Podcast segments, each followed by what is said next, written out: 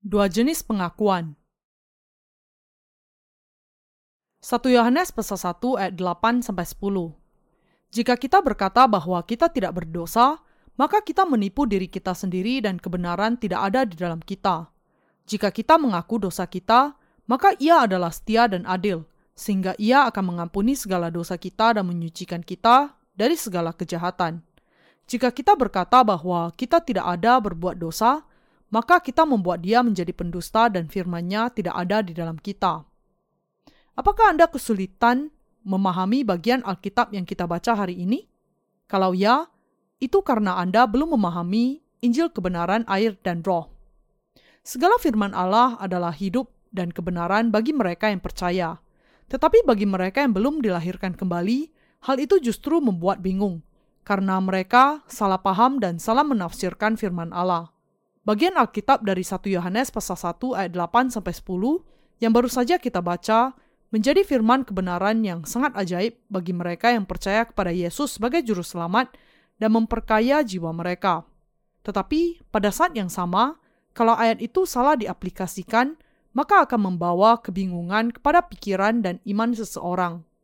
Adalah karena bagian ini membuat kita bertanya, apakah ayat ini diaplikasikan kepada umat Allah yang sudah menerima pengampunan dosa atau kepada mereka yang belum menerima pengampunan dosa. Kalau Anda sudah menerima pengampunan dosa dengan percaya kepada firman Injil air dan roh, salah paham akan bagian ini membuat Anda mungkin akan bertanya, apakah ada kemungkinan Anda memiliki dosa sekali lagi di dalam hati Anda. Jadi, bagi orang-orang benar yang sudah percaya kepada Injil air dan roh dan juga kepada orang-orang berdosa, ayat ini bisa membawa keraguan dan kebingungan menerapkan bagian ini bagi orang-orang berdosa. Pertama-tama, kita perlu mengaplikasikan bagian ini kepada mereka yang masih memiliki dosa di dalam hatinya karena belum percaya kepada Injil air dan roh. Pertanyaannya adalah, apakah mungkin bagi mereka yang tidak percaya kepada Injil air dan roh untuk membasuhkan segala dosa yang sudah mereka lakukan hanya sekedar dengan doa dan pengakuan mereka? Beberapa orang mengatakan bahwa setiap kali mereka menaikkan doa pengakuan mereka atau doa pertobatan, Allah Bapa akan mengampuni dosa-dosa mereka. Tetapi kenyataannya adalah, meskipun mereka menaikkan doa pengakuan atau pertobatan mereka, segala dosa yang sudah mereka lakukan akan tetap tidak dibasuh dan tinggal di dalam hati mereka. Yeremia pasal 2 ayat 22. Mereka memunculkan begitu banyak doktrin yang tidak berdasar dan mempercayainya hanya supaya bisa merasa nyaman hanya karena mereka sendiri di dalam pikiran mereka ingin percaya bahwa Allah Bapa akan entah bagaimana mengampuni mereka, sebagaimana seorang bapa biasanya akan memaafkan anaknya kalau mereka mengakui kesalahan mereka. Namun faktanya adalah bahwa bagi mereka yang menaikkan doa atau pengakuan yang demikian, dosa mereka masih ada di dalam loh hati mereka, menyaksikan bahwa mereka sendiri tetap ada di bawah penghakiman Allah. Ada tertulis di dalam Yeremia pasal 17 ayat 1. Dosa Yehuda telah tertulis dengan pena besi yang matanya dari intan terukir pada loh hati mereka dan pada tanduk-tanduk mesbah mereka. Anda mungkin tahu bahwa prinsip perwakilan menguasai seluruh bagian di dalam Alkitab. Karena itu, bagian ini juga perlu diterapkan kepada semua manusia. Artinya bahwa dosa semua manusia tertulis di dalam loh hatinya dengan penda besi. Kita melihat bahwa bagi mereka yang tidak percaya kepada Injil air dan roh, dosa-dosa yang mereka lakukan terpahat di dalam loh hati mereka. Karena itu, tidaklah benar bahwa ada orang yang bisa membasuhkan segala dosa dari loh hatinya, hanya dengan mengakuinya. Namun, sayangnya, kebanyakan manusia di zaman ini dengan menunjuk kepada bagian yang kita baca dari satu Yohanes ini, berpikir bahwa meskipun mereka tidak percaya kepada Injil air dan roh, mereka masih bisa menghapuskan segala dosa mereka dengan mengakuinya. Akan tetapi ketika manusia mengenal dan percaya kepada Injil air dan roh, mereka juga bisa menemukan jawaban atas pertanyaan mereka mengenai pengampunan dosa. Hari ini, banyak orang yang mengaku percaya kepada Yesus, tetapi kebanyakan mereka masih memiliki dosa di dalam hati mereka, dan karena itu mereka tidak memenuhi syarat untuk memanggil Allah sebagai Bapa mereka. Ini membuat mereka kemudian meninggalkan kehidupan iman mereka di tengah jalan, karena mereka masih tidak mengenal Injil kebenaran air dan roh, mereka sudah jatuh ke dalam kebingungan rohani dan percaya kepada Yesus hanya seperti orang-orang yang sekedar beragama di dunia ini. Dan inilah sebabnya mereka akhirnya menyangkali imannya. Karena mereka tidak tahu bahwa baptisan Yesus sudah menghapuskan segala dosa dunia, mereka tidak bisa lepas dari lingkaran kebingungan meski bagaimanapun mereka berusaha. Karena itu, untuk bisa lepas dari kebingungan mereka, mereka harus memahami bahwa Yesus menanggung segala dosa dunia melalui baptisan yang diterimanya dari Yohanes Pembaptis. Semua manusia harus mengakui kelemahan dagingnya dan datang untuk memiliki, melalui firman kebenaran, pengalaman iman yang memampukan jiwanya untuk dimerdekakan dari segala dosanya. Sejak masa gereja mula-mula, barang siapa yang percaya kepada Injil air dan roh bisa menerima keselamatan dari Allah, dan demikianlah orang-orang kudus bisa memuji Tuhan kita melihat bahwa mereka yang percaya kepada Injil air dan roh, sebagaimana Yohanes, bisa membawa sukacita yang besar bagi Allah. Tanpa iman kita kepada Injil air dan roh, kita tidak akan bisa memiliki persekutuan yang benar dengan Allah. Jadi, hanya melalui Injil air dan roh sajalah pengakuan di hadapan Allah kemudian diterima. Dan hanya melalui Injil Allah yang ajaib, yaitu Injil air dan roh saja pengakuan yang benar ini bisa dilakukan. Kita semua harus mengucapkan syukur kepada Tuhan karena memampukan kita untuk memiliki pengakuan yang demikian melalui Injil air dan roh. Sejak saat ini, kita jangan sampai merendahkan iman yang percaya kepada baptisan Yesus. Manusia harus dibebaskan dari doktrin Kristen yang sia-sia yang mengatakan bahwa ada kemungkinan untuk diselamatkan dari segala dosa hanya dengan percaya kepada darah di kayu salib. Dan mereka harus kembali kepada iman yang percaya kepada baptisan Yesus dan darah di kayu salib sebagai jalan keselamatan. Sejak saat ini, Anda harus menjadi orang Kristen yang sungguh-sungguh ingin belajar dan memahami Injil kebenaran air dan roh. Kita semua harus memahami apa yang dirasakan oleh Yesus ketika ia menanggung segala dosa dunia dengan dibaptiskan oleh Yohanes Pembaptis. Kita harus memahami dan percaya kepada kebenaran keselamatan yang ajaib, bahwa adalah karena Yesus dibaptiskan oleh Yohanes Pembaptis, sehingga ia harus mencurahkan darahnya yang berharga itu di kayu salib. Anda harus menyadari bahwa adalah ketika Anda mengenal dan percaya kepada Injil kebenaran air dan roh, kemudian Anda bisa menjadi orang Kristen yang sebenarnya. 1 Yohanes pasal 5 ayat 3 sampai 7 dan juga bisa mengaku kepada Allah dengan benar sejak saat itu. Matius pasal 3 ayat 15, 1 Petrus pasal 3 ayat 21, Roma pasal 6 ayat 2 sampai 5. Saya memuji Tuhan yang memberikan kepada kita Injil kebenaran, air, dan roh. Saya memuji Tuhan yang sudah membebaskan kita dari segala dosa dunia melalui Injil air dan roh dan yang sudah memindahkan kita untuk masuk ke dalam kerajaan surga yang kekal. Dengan percaya kepada Injil yang benar ini, kita semua harus berjalan untuk selama-lamanya bersama dengan Yesus Kristus. Apakah kesimpulan yang benar ketika kita memperhatikan 1 Yohanes pasal 1 ayat 8 sampai 9 dari perspektif mereka yang percaya kepada Injil air dan roh. Bagian itu menjelaskan bahwa Injil air dan roh adalah Injil yang tidak terbatas dan kebenaran yang sejati. Saya ingin menjelaskan bagian Alkitab hari ini dari 1 Yohanes pasal 1 ayat 8 sampai 10 dari dua perspektif yang berbeda. Yang pertama, diaplikasikan untuk mereka yang percaya kepada Injil air dan roh. Dan yang kedua, diaplikasikan untuk mereka yang tidak percaya kepada Injil ini. Saya mengambil pendekatan ini karena Alkitab sendiri berbicara mengenai dua jenis orang yang berbeda.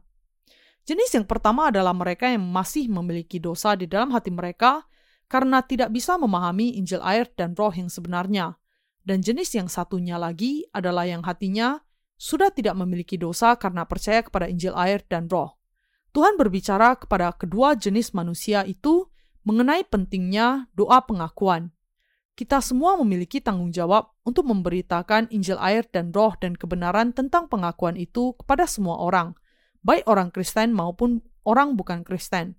Inilah sebabnya Tuhan menjelaskan bagian dari 1 Yohanes pasal 1 ayat 8 sampai 10 ini kepada kedua jenis orang itu. Apakah akibatnya ketika kita mengaplikasikan 1 Yohanes pasal 1 ayat 8 sampai 10 di dalam kehidupan mereka yang masih memiliki dosa di dalam hatinya?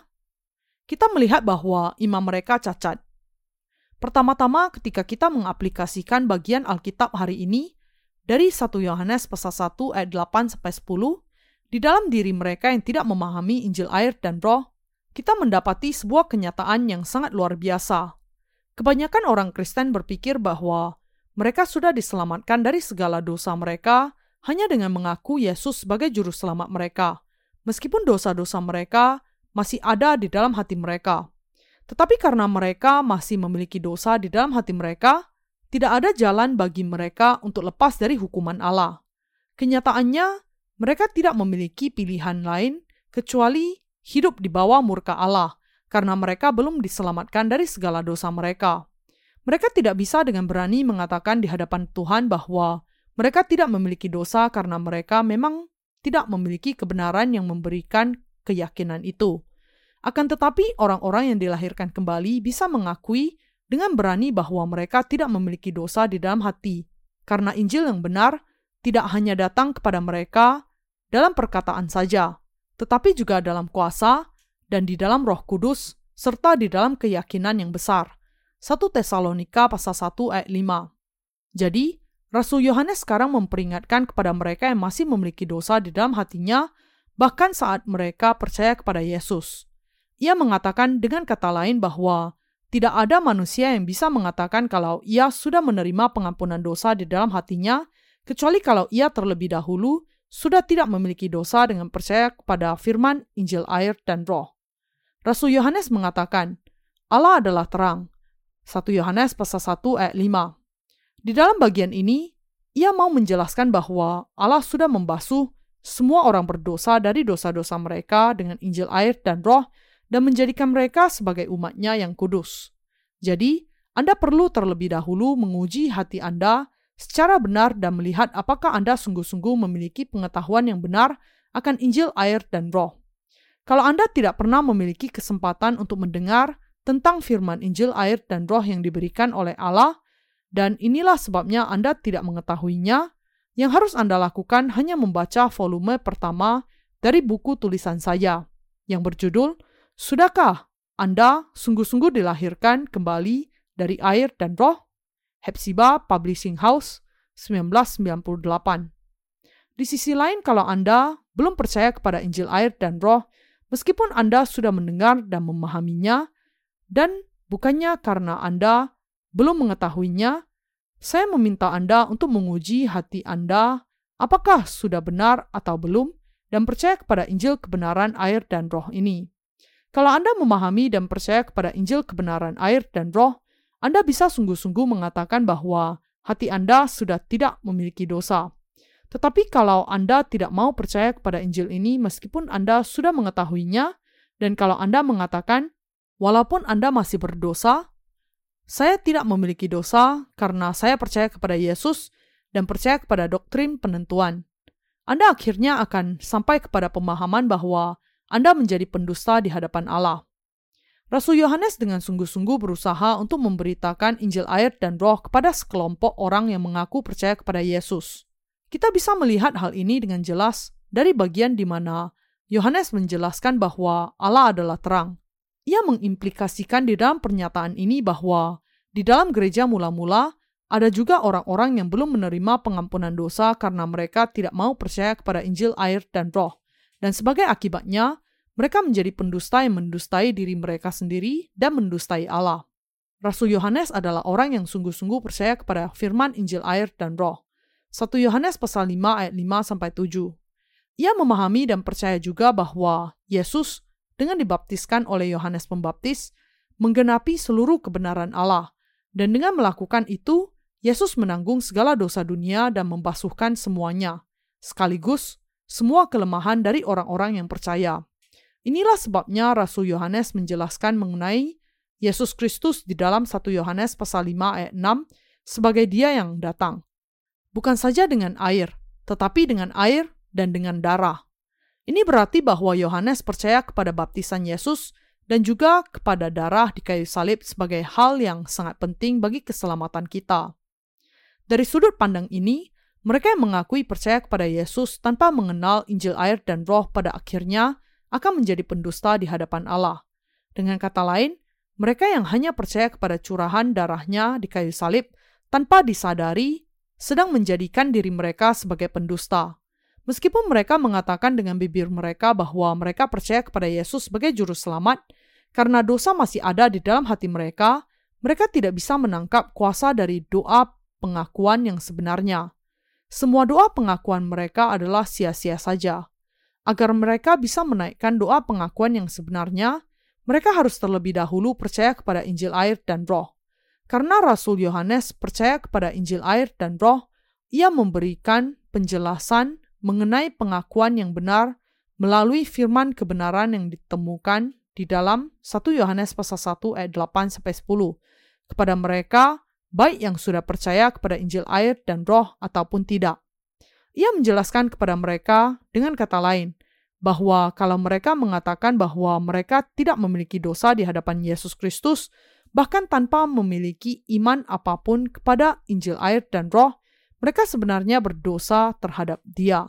Karena itu, mereka harus terlebih dahulu memahami tentang Injil air dan Roh yang dipercayai oleh Rasul Yohanes, dan kemudian memahami juga mengenai bagaimana menaikkan doa pengakuan dengan percaya kepada Injil air dan Roh. Banyak orang Kristen di dunia ini yang masih berpikir bahwa mereka percaya kepada Yesus, meskipun mereka tetap tidak memahami tentang Injil kebenaran air dan Roh. Mereka tanpa sengaja sudah mendustai diri mereka sendiri dan berusaha untuk bahkan mendustai Allah, karena mereka sedang menghipnotis diri mereka sendiri. Orang-orang demikian yang hanya percaya kepada darah di kayu salib tidak bisa tidak hidup di dalam iman dusta mereka. Karena itu, mereka semua yang memiliki dosa di dalam hati, meskipun mereka sudah mengaku percaya kepada Yesus atau tidak, harus terlebih dahulu percaya kepada Injil kebenaran air dan roh. Hanya dengan itu mereka bisa mengucapkan syukur kepada Allah. Dengan demikian, untuk menaikkan doa pengakuan yang benar kepada Allah, Anda harus terlebih dahulu percaya kepada kebenaran Injil air dan roh. Apa yang harus Anda percayai? Apakah Anda hanya perlu percaya kepada korban di kayu salib yang sudah Anda percayai dan pahami? Atau apakah Anda harus percaya kepada baptisan yang diterimanya dari Yohanes Pembaptis dan juga darah di kayu salib Injil yang mana, dengan kata lain, yang Anda pikir benar? Dalam Yohanes pasal 3 ayat 1 sampai 10, Yesus mengatakan bahwa untuk bisa masuk ke dalam surga, manusia harus dilahirkan kembali dari air dan roh. Kita semua harus menerima pengampunan dosa kita dengan percaya kepada Injil air dan roh. Mereka yang belum menerima pengampunan dosa harus terlebih dahulu mengakui Allah Meskipun saya percaya kepada Yesus sebagai juru selamat, hati saya masih memiliki dosa. Saya mengakui bahwa saya tidak bisa menghindar dari hukumanmu karena dosa-dosa saya. Bebaskanlah saya dari segala dosa dan penghukuman saya. Demikianlah caranya mereka harus berdoa. Allah kemudian akan memberikan firman Injil air dan roh kebenaran keselamatan yang dipersiapkannya bagi orang-orang yang demikian dan menyelamatkan mereka. Anda harus berdoa kepada Tuhan. Orang berdosa harus terlebih dahulu berdoa agar Tuhan menyelamatkan mereka dari segala dosa mereka, sehingga mereka bisa menjadi orang-orang yang bisa memberikan pengakuan yang benar dari orang-orang yang dilahirkan kembali kepada Allah. Anda harus terlebih dahulu memiliki pemahaman akan Injil air dan roh, dan dengan itu menghapuskan segala dosa dengan iman dan menjadi orang yang didiami oleh terang dari Allah.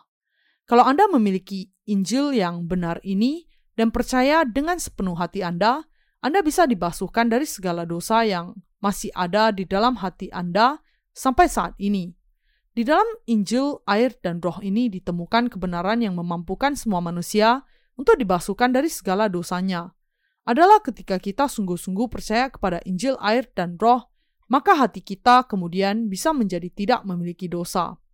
Yang harus kita pahami di sini adalah bahwa barang siapa yang mengatakan kepada Allah bahwa ia tidak memiliki dosa tanpa memiliki iman kepada Injil air dan roh ini adalah berdusta bahkan kepada hati nuraninya sendiri. Orang-orang yang demikian tidak lebih dari sekedar pendusta dan mereka adalah jenis orang-orang yang terus terang saja tidak memiliki keinginan untuk percaya kepadanya. Apakah manusia hanyalah makhluk yang tidak bisa tidak melakukan dosa? Ya, inilah sebabnya kita memerlukan Injil air dan roh yang dengannya Tuhan sudah membasuhkan segala dosa kita. Bahwa semua manusia pada dasarnya dilahirkan dengan banyak dosa ke dalam dunia ini adalah sebuah kenyataan yang tidak bisa disangkal. Tidak ada orang yang lahir tanpa dosa. Inilah sebabnya semua sudah berdosa melawan Allah sepanjang kehidupan mereka. Dan inilah sebabnya semua harus mengakui bahwa mereka adalah orang-orang yang sangat berdosa.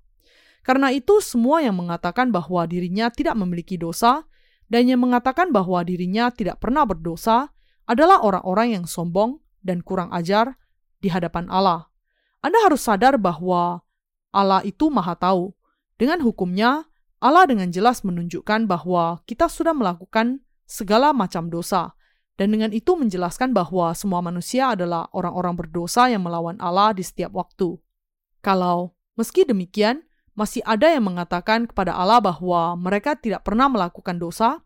1 Yohanes pasal 1 ayat 10, Tidakkah mereka memahami bahwa hal itu membuat mereka menjadi pendusta di hadapan Allah? Barang siapa mengatakan bahwa ia tidak memiliki dosa adalah seseorang yang menolak kasih Allah dan menghina Dia. Allah mengatakan bahwa kita semua senantiasa melakukan dosa. Markus pasal 7 ayat 21 sampai 23. Ia mengatakan bahwa kita memang dilahirkan dengan unsur dosa.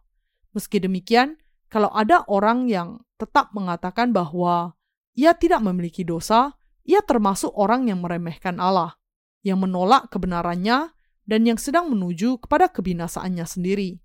Tidak seorang pun boleh mengatakan demikian.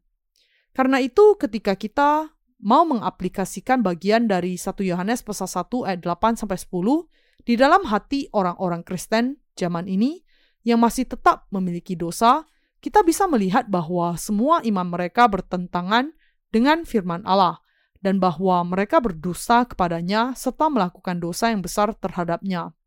Kunci utama di dalam bagian ini menunjukkan bahwa barang siapa yang tidak menerima pengampunan dosa, tetapi mengakui tidak memiliki dosa di dalam hatinya, ia mendustai tidak hanya dirinya sendiri, tetapi juga Allah, dan bahwa orang-orang yang demikian tidak bisa tidak akan dinyatakan dustanya, karena firman Injil air dan roh masih tidak ditemukan di dalam hati mereka. Satu hal yang harus kita pahami di hadapan Allah adalah bahwa meskipun kita menolak untuk mengakui dosa-dosa kita, kecuali kalau kita memahami dan memiliki iman kepada Injil, air, dan roh, maka dosa-dosa kita tidak akan dilenyapkan.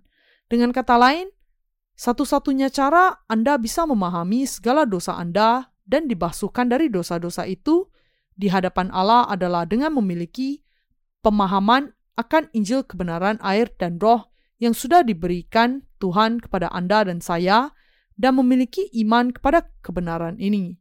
Ketika Anda memiliki pemahaman ini dan memelihara kebenaran ini di dalam hati Anda, dengan iman inilah kemudian Anda bisa dibasuhkan dari segala dosa Anda dan menjadi anak-anak Allah.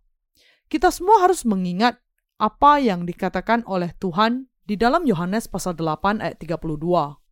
Kamu akan mengetahui kebenaran dan kebenaran itu akan memerdekakan kamu.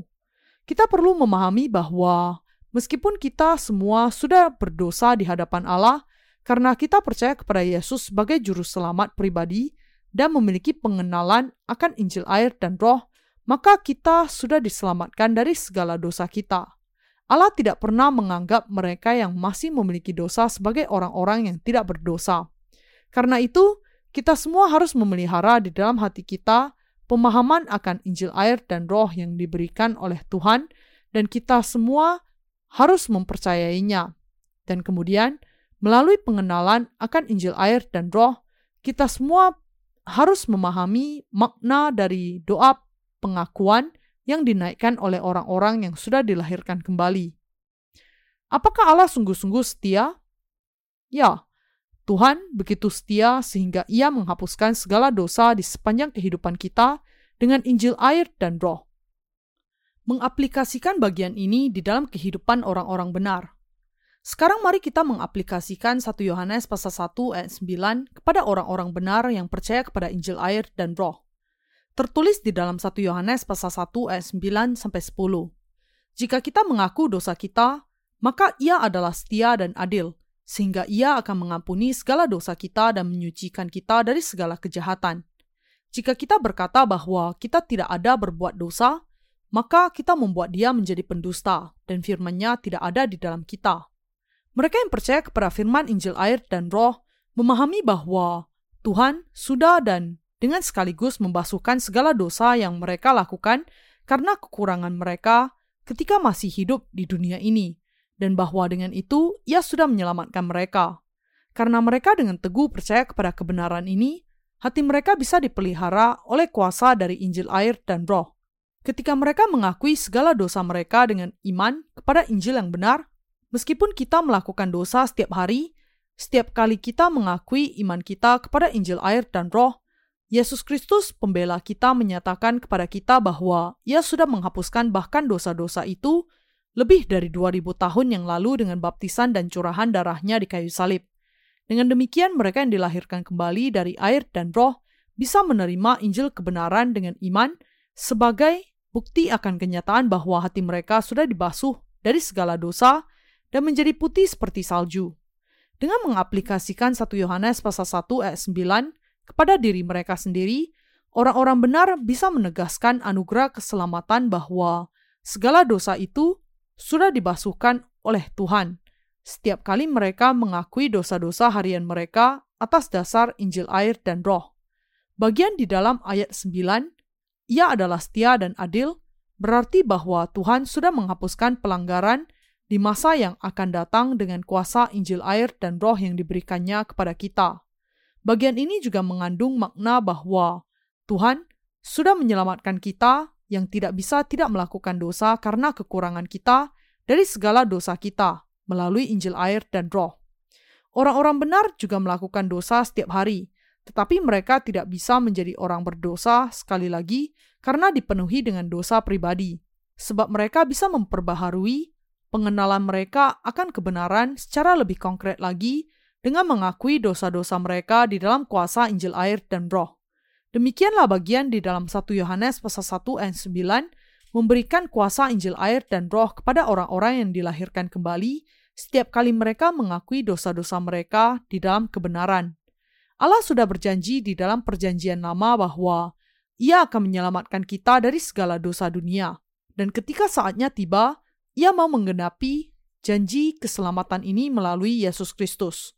Karena itu, Tuhan datang ke dunia ini menanggung segala dosa dunia dengan dibaptiskan oleh Yohanes Pembaptis, mencurahkan darahnya di kayu salib ketika memikul kelemahan orang-orang berdosa, bangkit kembali dari kematian, dan dengan itu sudah membasuhkan segala dosa kita sekali untuk selamanya, dan dengan itu menggenapkan janjinya sekali untuk seterusnya. Apa yang dinyatakan 1 Yohanes pasal 1 ayat 9 kepada kita? Ia menyatakan bahwa dengan Injil air dan roh, Tuhan sudah melenyapkan segala dosa pribadi kita. 1 Yohanes pasal 1 ayat 9 menunjukkan kebenaran bahwa Tuhan sudah melenyapkan semua dosa pribadi kita dengan kuasa Injil air dan roh. Tuhan kita sudah melenyapkan segala dosa dunia dengan kuasa kebenaran Injil ini.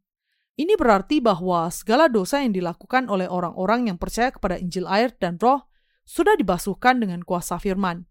Karena orang-orang benar juga melakukan dosa ketika ia hidup di dunia ini, mereka juga harus senantiasa memandang kepada kuasa Injil air dan roh, dan percaya kepada firman kebenaran yang sudah membasuhkan segala dosa mereka dengan secara terus terang mengakui segala dosa yang sudah mereka lakukan.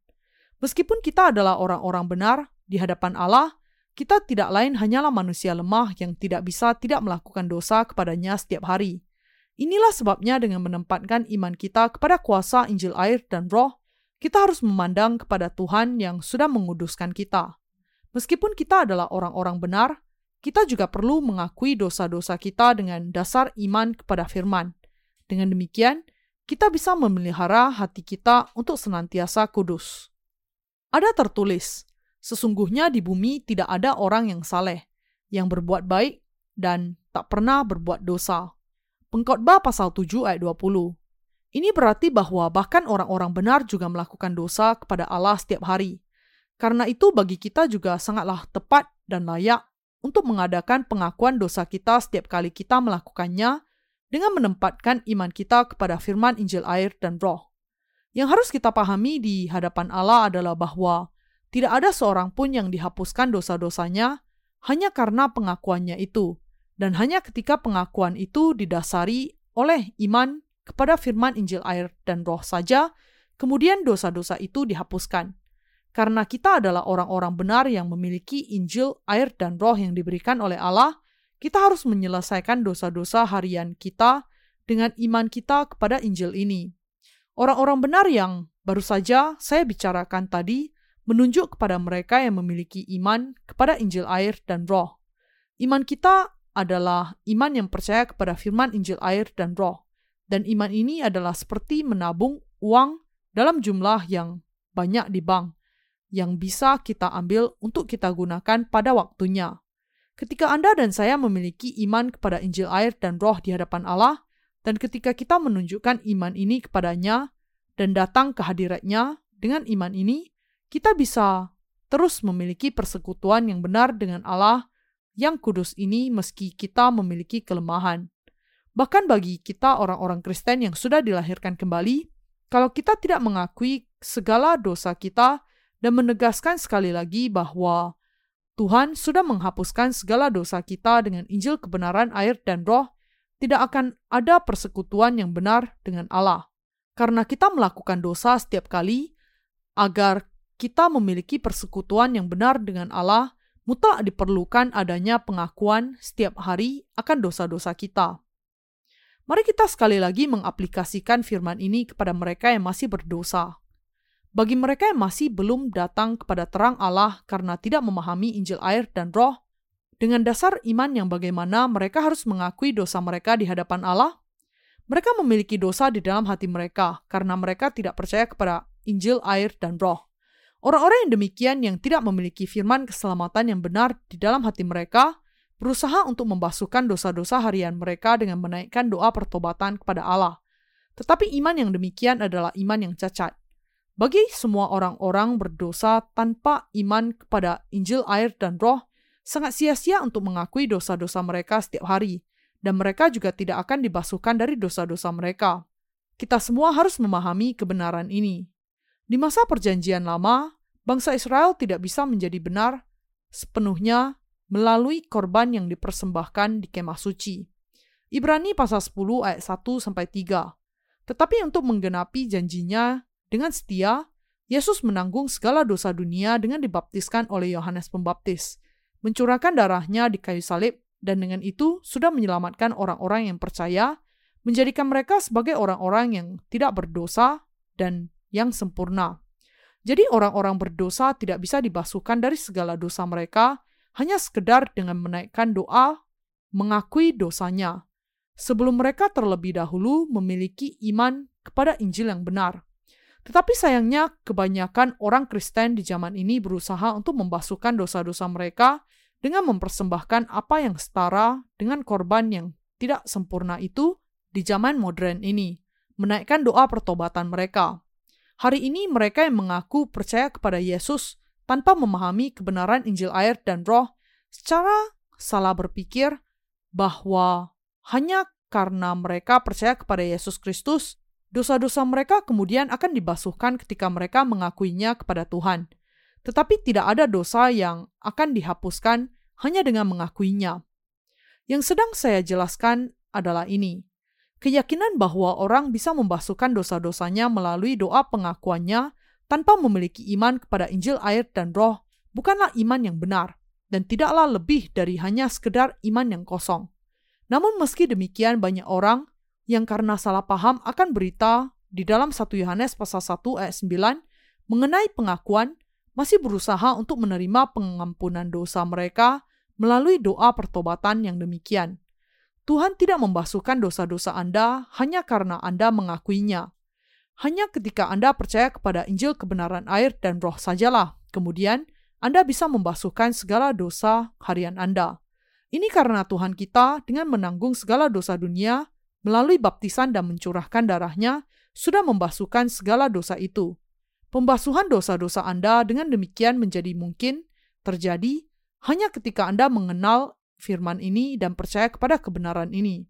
Demikianlah, kecuali kalau Anda percaya kepada firman Injil air dan roh yang sejati di dalam hati Anda, maka Anda tidak akan bisa membasuhkan segala dosa yang Anda lakukan.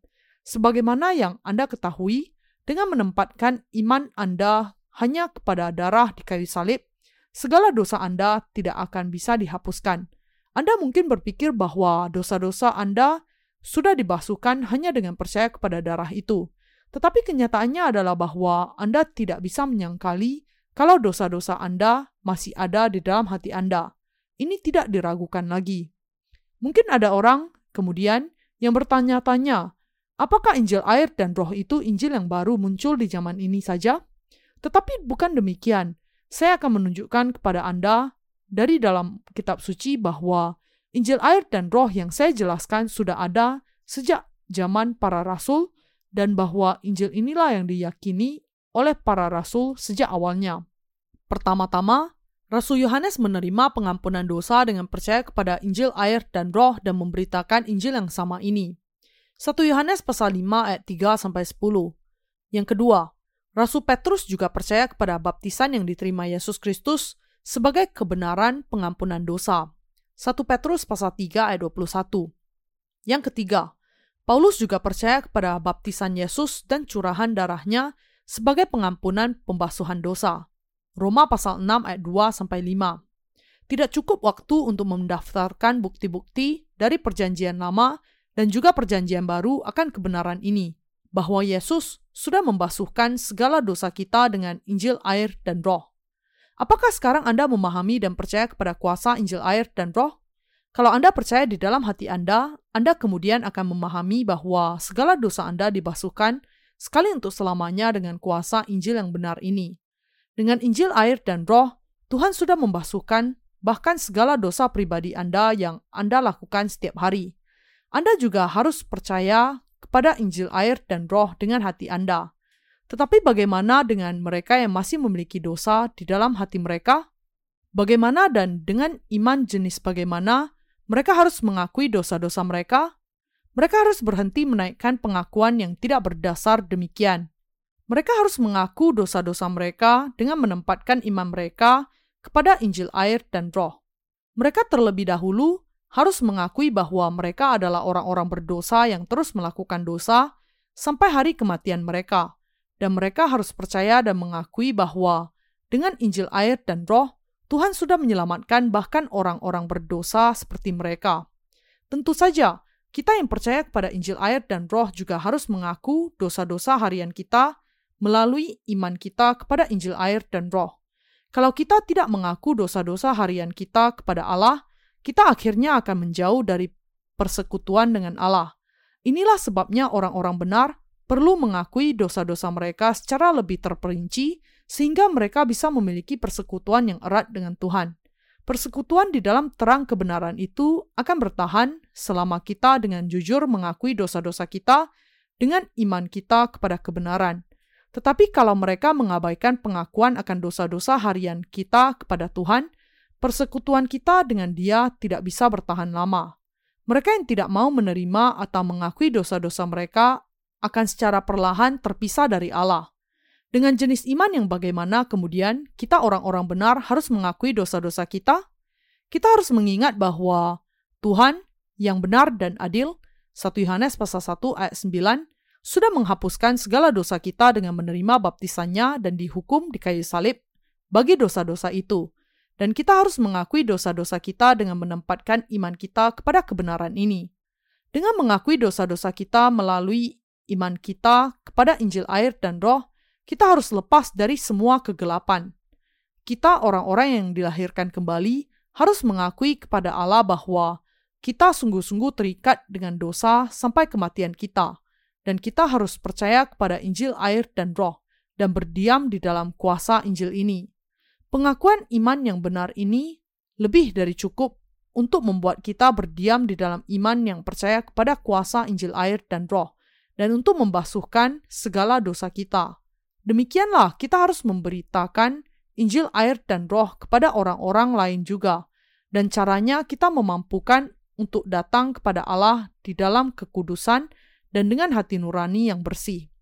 Ini membuat kita menjadi prajurit Allah yang benar, dan menang dalam peperangan rohani dengan iman adalah karena orang-orang benar sudah percaya kepada Injil air dan roh sehingga mereka bisa melakukan pekerjaan Allah untuk memuji Allah ini yang sudah menghapuskan segala dosa mereka dan untuk berdiam dan hidup di dalam terangnya sampai selamanya. Percayalah kepada kebenaran ini dan masukkan ke dalam hati Anda. Kita yang percaya kepada Injil air dan roh juga melakukan dosa setiap hari karena kita memang memiliki kelemahan di dalam daging kita. Bagaimana kemudian kita harus mengakui dosa-dosa itu? Apakah cukup untuk mengakui dengan terperinci, seperti mengatakan, "Tuhan, saya melakukan dosa ini dan itu"? Tidak, pengakuan dosa bagi kita orang-orang benar adalah mengakui hakikat kita yang sebenarnya kepada Allah, yaitu mengakui kepada Allah bahwa kita memang terikat kepada dosa sampai hari kematian kita dan berdiam di dalam iman yang percaya kepada firman Injil air dan roh. Kita bisa membuat pengakuan yang benar kepada Tuhan dengan mengakui hakikat kelemahan daging kita. Apakah orang-orang benar atau orang-orang berdosa ketika berkaitan dengan pengakuan dosa seseorang? Kita semua harus mengakui bahwa hakikat dasar dari daging mereka adalah sedemikian sampai mereka tidak bisa menghindar dari dosa, dan mereka harus mengakui bahwa mereka melakukan dosa setiap waktu bukan hanya dengan daging mereka, tetapi dengan pemikiran mereka juga. Dengan cara ini, mereka mengaku dosa dengan benar kepada Allah, dan mereka harus memiliki iman yang senantiasa berpegang dan percaya kepada Injil, air, dan Roh, yaitu kita jangan pernah lupa bahwa Tuhan sudah menghapuskan dosa kita sekali untuk selamanya melalui baptisan dan curahan darahnya, dan bahwa Ia sudah menunjukkan kepada kita kuasa keselamatan yang benar. Mereka yang percaya kepada Injil, air, dan roh di hadapan Allah akan memahami betapa efektifnya kuasa Injil keselamatan ini ketika diaplikasikan di hati orang-orang percaya untuk dibasuhkan dari segala dosanya. Adalah dengan percaya kepada Injil air dan roh dengan hati kita sehingga kita bisa membasuhkan dosa-dosa dari hati nurani kita. Dan adalah karena hal inilah kita kemudian bisa bersyukur kepada Tuhan. Lebih lagi, karena iman kepada Injil ini sudah membasuhkan hati nurani kita juga, maka ia memampukan kita untuk menghadap Allah dengan hati nurani yang benar. 1 Petrus pasal 3 ayat 21. Ketika kita percaya kepada Injil air dan roh, hati nurani iman kita yang benar membawa kita kepada kebenaran Allah sampai selamanya. Hal itu juga memampukan kita untuk berdiam di dalam terang dan melakukan pekerjaan Allah selamanya di dalam terang ini. Dengan demikian, iman kepada Injil, air, dan roh ini mutlak sangat diperlukan bagi orang-orang benar dan orang-orang berdosa juga. Bagaimana Daud mengaku dosa ketika melakukan dosa? Ia mengaku hakikat dasarnya di hadapan Allah. Iman Daud yang memancarkan pengakuan iman yang benar kepada Allah dinyatakan di dalam Mazmur pasal 51 ayat 7 sampai 9. Sesungguhnya dalam kesalahan aku diperanakkan, dalam dosa aku dikandung ibuku. Sesungguhnya engkau berkenan akan kebenaran dalam batin, dan dengan diam-diam engkau memberitahukan hikmat kepadaku. Bersihkanlah aku daripada dosaku dengan hisop, maka aku akan menjadi tahir. Basuhlah aku, maka aku menjadi lebih putih dari salju. Karena Tuhan menghendaki kebenaran di dalam batin kita, Daud mengakui kepada Allah, dalam kesalahan aku diperanakkan, dalam dosa aku dikandung ibuku. Tuhan, inilah diriku yang sebenarnya. Aku terikat kepada dosa sampai aku mati. Demikianlah hakikat dasarku. Daud mengaku kepada Allah dengan kata lain, dengan cara demikian. Melalui pengorbanan pada hari raya pendamaian yang dipersembahkan di kemah suci, Daud sudah dibasuhkan dari segala dosanya dengan percaya kepada Juru Selamat yang akan datang, yang akan menerima baptisan dan mencurahkan darahnya bagi dosa-dosa Daud. Ketika Daud mengakui dosa-dosanya, ia mengakui hakikat dasar keberdosaannya kepada Allah dan memandang kepada belas kasihan Tuhan. Ia mengakui kepada Tuhan bahwa pada dasarnya ia tidak bisa menghindar dari melakukan dosa, dan bahwa ketika ia diciptakan di dalam kandungan ibunya, ia dikandung di dalam dosa. Dalam pengakuannya, ia mengatakan, "Tuhan, saya orang berdosa besar sejak lahir. Tuhan, karena saya hanya sekedar setumpuk dosa, saya berzina dengan Bathsheba. dan saya membunuh tentaramu yang setia. Saya berdusta kepada bangsaku dan bahkan kepadamu. Jadi, saya menghujat engkau, dan saya melanggar semua dasar titamu. Demikianlah pengakuannya. Dengan kata lain, Daud mengakui kepada Tuhan bahwa inilah keberadaan dasarnya. Ketika Anda dan saya mengakui dosa-dosa kita kepada Allah, kita harus mengakui dengan percaya kepada Injil air dan roh. Dan ketika kita mengakui dosa-dosa kita, tidak cukup bagi kita hanya dengan mengakui satu dosa setiap harinya. Namun, kita harus mengakui bahwa pada dasarnya kita adalah benih dosa yang tidak bisa tidak melakukan dosa sampai hari kita mati. Inilah sebabnya kita harus percaya kepada Injil air dan roh. Adalah dengan percaya kepada Tuhan bahwa ia sudah membebaskan kita dari segala dosa kita melalui Injil air dan roh inilah sehingga hati kita bisa dibasuhkan secara sempurna. Ketika kita membuat pengakuan yang benar di hadapan Allah dan memiliki iman yang konkret kepada Injil, air, dan roh, kita bisa bersyukur kepadanya atas keselamatan anugerahnya dan melakukan pekerjaan Allah dengan konsisten tanpa diikat oleh kelemahan kita. Hanya ketika Anda mengakui kelemahan dasar Anda sajalah, kemudian Anda bisa bersyukur kepada Tuhan atas Injil pengampunan dosa yang diberikannya kepada Anda. Dan hanya ketika Anda berdiam di dalam terang Tuhan, dengan percaya kepada Injil air dan roh inilah Anda kemudian bisa menjadi para pekerja yang memberitakan terang keselamatan kepada mereka yang masih belum memahami Injil yang sejati ini.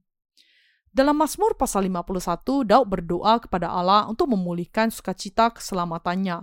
Dan ia berdoa agar Allah akan memampukan dia untuk memberitakan jalan kebenarannya kepada mereka yang belum mengenal jalan itu. Kita juga seperti Daud, kita juga sudah diselamatkan dari segala dosa kita dengan percaya kepada Injil air dan roh. Yesus sudah dengan setia menjadikan kita yang percaya kepada Injil yang sempurna ini orang-orang benar di hadapan Allah.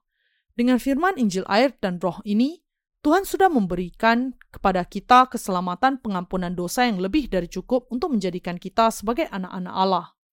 Tuhan kita pada dasarnya memahami kelemahan kita, karena kita memang makhluk dan umat manusia. Kita melakukan dosa setiap waktu selama kita menjalani kehidupan kita. Jadi, kita cenderung melihat kelemahan kita sendiri, dan kita senantiasa terikat oleh dosa dan kelemahan kita. Sementara itu, kita meratapi diri kita sendiri, bertanya-tanya, mengapa kita bisa menjadi sangat lemah dan tidak memiliki cara untuk mengatasi kelemahan dosa kita, lalu kita tetap tinggal di dalam dosa kita. Tetapi dengan percaya serta meyakini Injil air dan roh yang diberikan Tuhan kepada kita, kita bisa membasuhkan segala dosa kita. Inilah sebabnya ia membasuhkan segala dosa kita sekali untuk selamanya dengan Injil air dan roh. Karena itu, kalau seseorang dengan jelas menerima pengampunan dosa-dosanya dari Allah dengan iman, akan tetapi meski demikian, ia hanya memiliki sedikit saja sukacita sesudah menerima keselamatan di dalam hatinya, maka ia adalah orang yang belum mengakui dosa-dosanya kepada Allah dengan menempatkan keyakinannya kepada Injil air dan roh.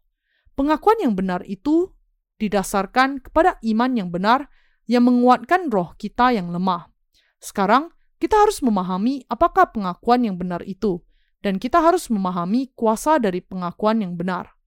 Tuhan kita sudah mengatakan kepada kita semua tentang kuasa dari Injil air dan roh. Ketika kita mengakui kepada Allah seperti Daud, bahwa kita pada dasarnya terikat dengan dosa sampai hari kematian kita, Yesus kemudian memenuhi hati kita dengan anugerah pengampunan dosa darinya yang sudah membasuhkan dosa-dosa kita melalui Injil air dan roh. Dan Injil yang indah ini mendorong kita untuk memberitakan Injil yang berkuasa ini dengan menyegarkan hati kita. Hal inilah yang membuat kita memuliakan Tuhan setiap waktu. Singkatnya, kuasa Injil ini memampukan kita untuk tidak terikat oleh kelemahan kita sendiri, untuk menjelaskan kebenaran Allah kepada dunia ini, dan untuk memiliki hati yang penuh syukur dan terima kasih kepada Allah. Saya bersyukur kepada Allah yang memulihkan kita dengan iman. Haleluya! Saya menaikkan syukur dan memuji Allah yang sudah menyelamatkan kita dari segala dosa kita. Apakah yang dikehendaki Allah dari kita, orang-orang yang dilahirkan kembali? Adalah agar kita tidak terikat oleh kelemahan kita sendiri, tetapi dengan gencar bekerja bagi Injil Allah dengan iman. Sekali kita menerima pengampunan dosa kita, Allah menghendaki agar kita tidak terikat oleh kelemahan kita, tetapi melakukan pekerjaannya dengan percaya kepada Injil, air, dan roh. Meski kita mungkin memiliki kelemahan kita, Allah menghendaki agar kita memiliki iman yang benar, mengakui kecemaran kita, bersyukur kepadanya karena menyelamatkan orang-orang seperti kita, dan menjalani kehidupan kita untuk memberitakan Injil air dan roh kepada semua orang-orang berdosa. Allah menghendaki agar orang-orang yang percaya kepadanya memberitakan jalan kebenarannya, Injil air dan roh, meski di tengah-tengah kelemahan mereka. Allah menghendaki kita memerdekakan diri kita dari semua kelemahan dengan mengakui hakikat kita yang sebenarnya di hadapannya, dan ia sangat berkenan ketika kita memberikan korban pujian yang benar dengan iman. Saudara seiman, ketika berkaitan dengan pengakuan dosa Anda, anda harus memahami bahwa mengatakan kepada Allah bahwa Anda tidak memiliki dosa adalah sama dengan menjadikan Dia pendusta. Tidak ada di antara kita yang tidak memiliki dosa terhadap Allah. Semua manusia melakukan dosa.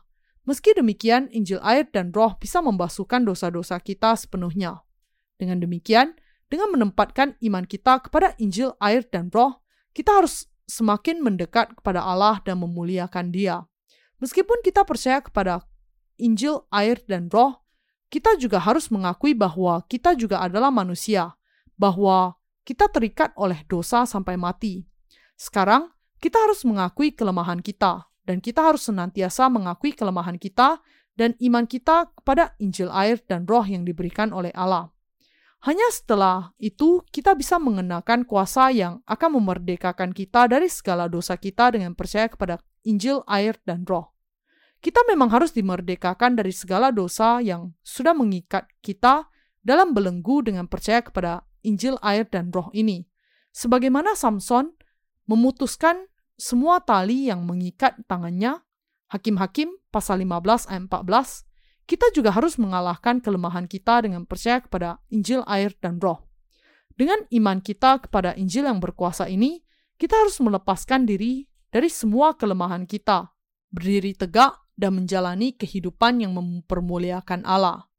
Kita semua diikat oleh dosa sampai hari kematian kita, tetapi dengan mengakui bahwa kita memang ditentukan untuk melakukan dosa sampai nafas terakhir kita, dengan percaya kepada Injil air dan roh dan berdiam di dalam iman ini, kita semua harus meninggikan kebenaran Allah.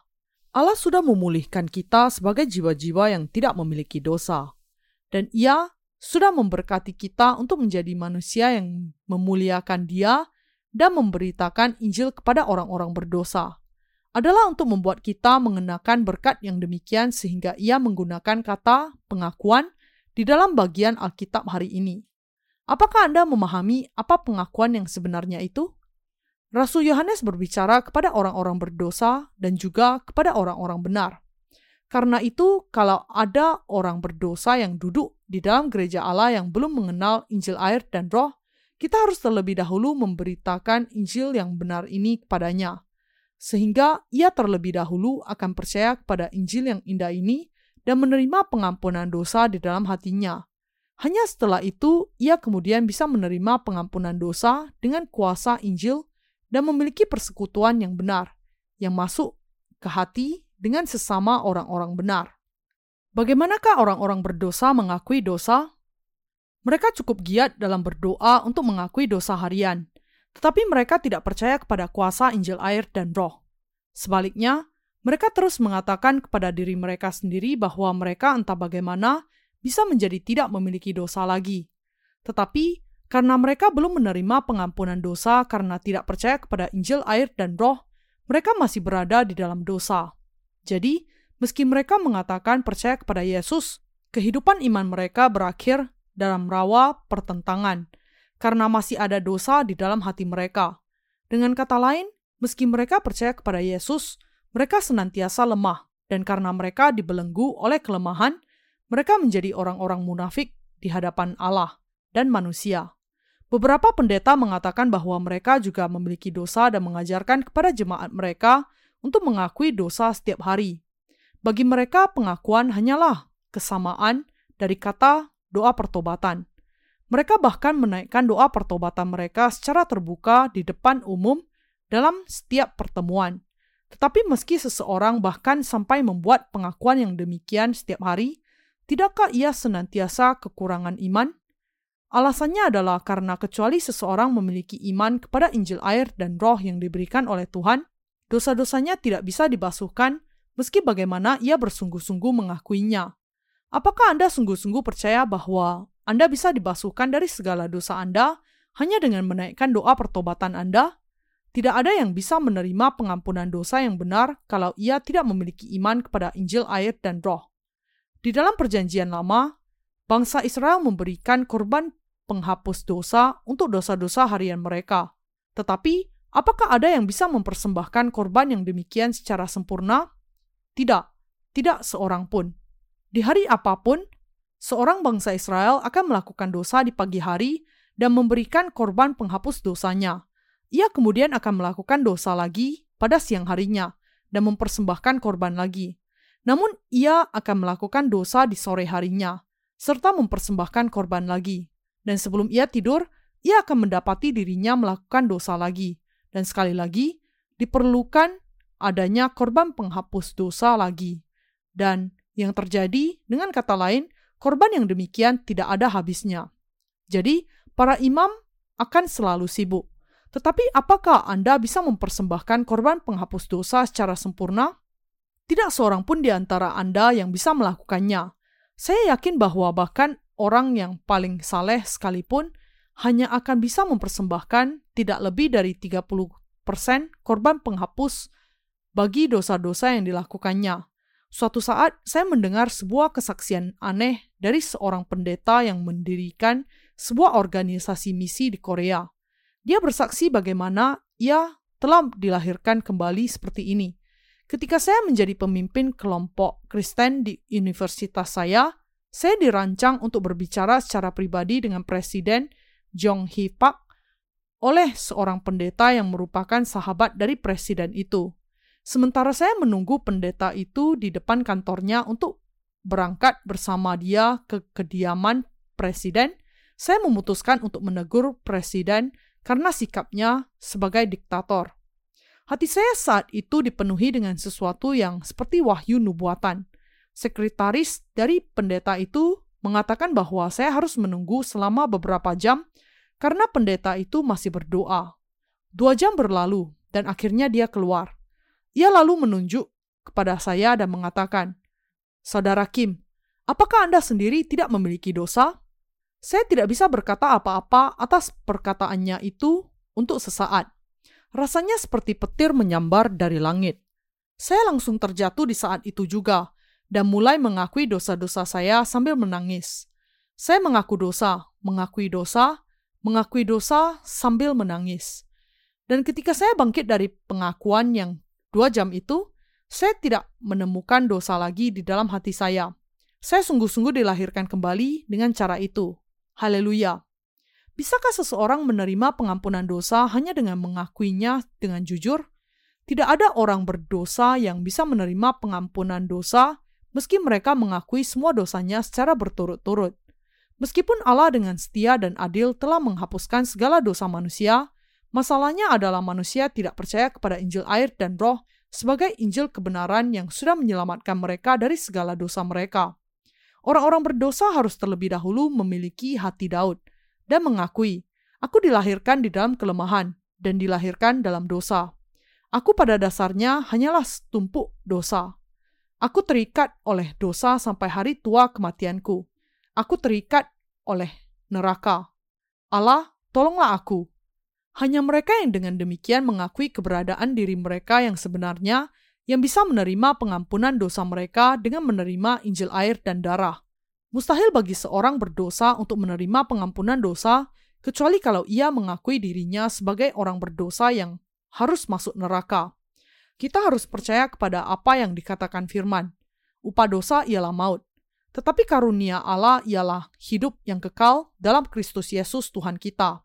Roma pasal 6 ayat 23. Bagian ini berarti bahwa kalau seseorang memiliki dosa sama sekali, sekecil apa pun, maka maut menjadi tidak terelakkan baginya. Dengan demikian, kita harus mengakui dosa-dosa yang terkecil sekalipun di hadapan Allah. Lebih lagi, kita juga harus mengakui bahwa bahkan untuk dosa-dosa yang demikian, kita tidak bisa menghindar dari kutuk dosa. Kalau kita sudah mengakui keberadaan dasar diri kita kepada Allah, mari kita sekarang memiliki persekutuan di dalam Injil air dan roh.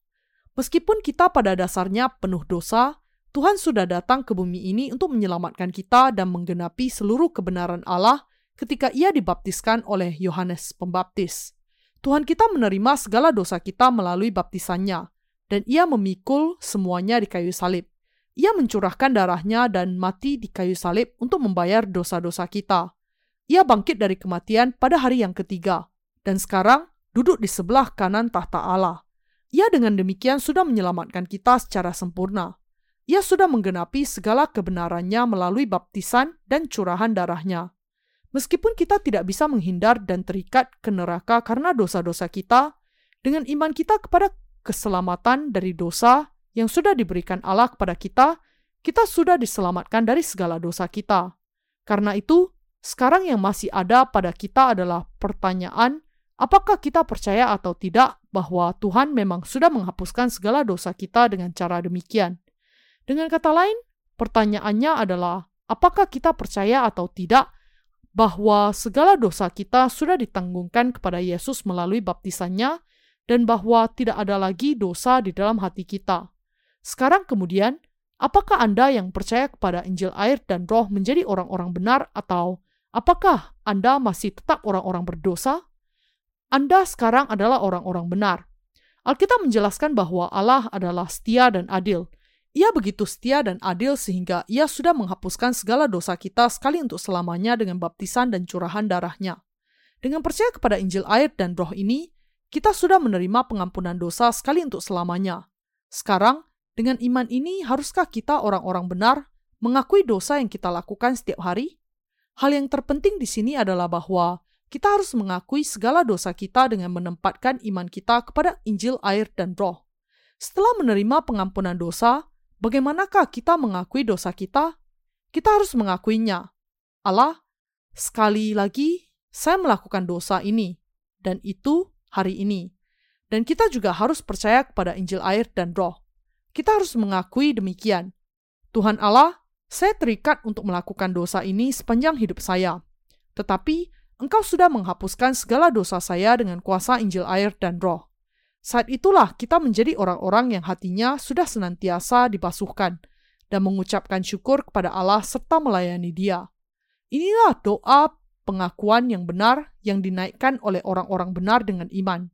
Demikianlah pengakuan yang benar dari mereka yang percaya kepada kuasa Injil air dan roh. Kita harus menjadikan pengakuan ini bukan hanya dengan mengakui dosa-dosa yang dinyatakan sekarang, tetapi dengan mengakui bahwa pada dasarnya kita memang makhluk yang lemah yang tidak bisa tidak melakukan dosa sampai kita mati. Kita kemudian harus bersyukur dan memuji Allah karena menghapuskan segala dosa itu dengan menegaskan iman kita kepada Injil air dan roh sekali lagi. Karena itu adalah dengan percaya kepada Injil air dan roh sehingga kita bisa senantiasa memuji kebenaran Allah. Kita harus senantiasa hidup dengan iman kita kepada Injil air dan roh. Dengan percaya kepada Injil kebenaran, kita harus mengakui dosa kita setiap hari. Dengan melakukannya, kita harus berdiam di dalam kebenaran Allah dan tinggal di dalam terang kebenaran yang benderang juga. Juga, kita harus menyebarkan terang keselamatan kepada semua orang yang masih berdiam di dalam kegelapan.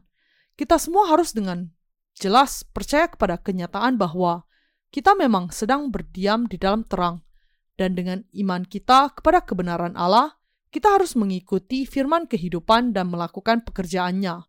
Inilah pengakuan kita orang-orang benar.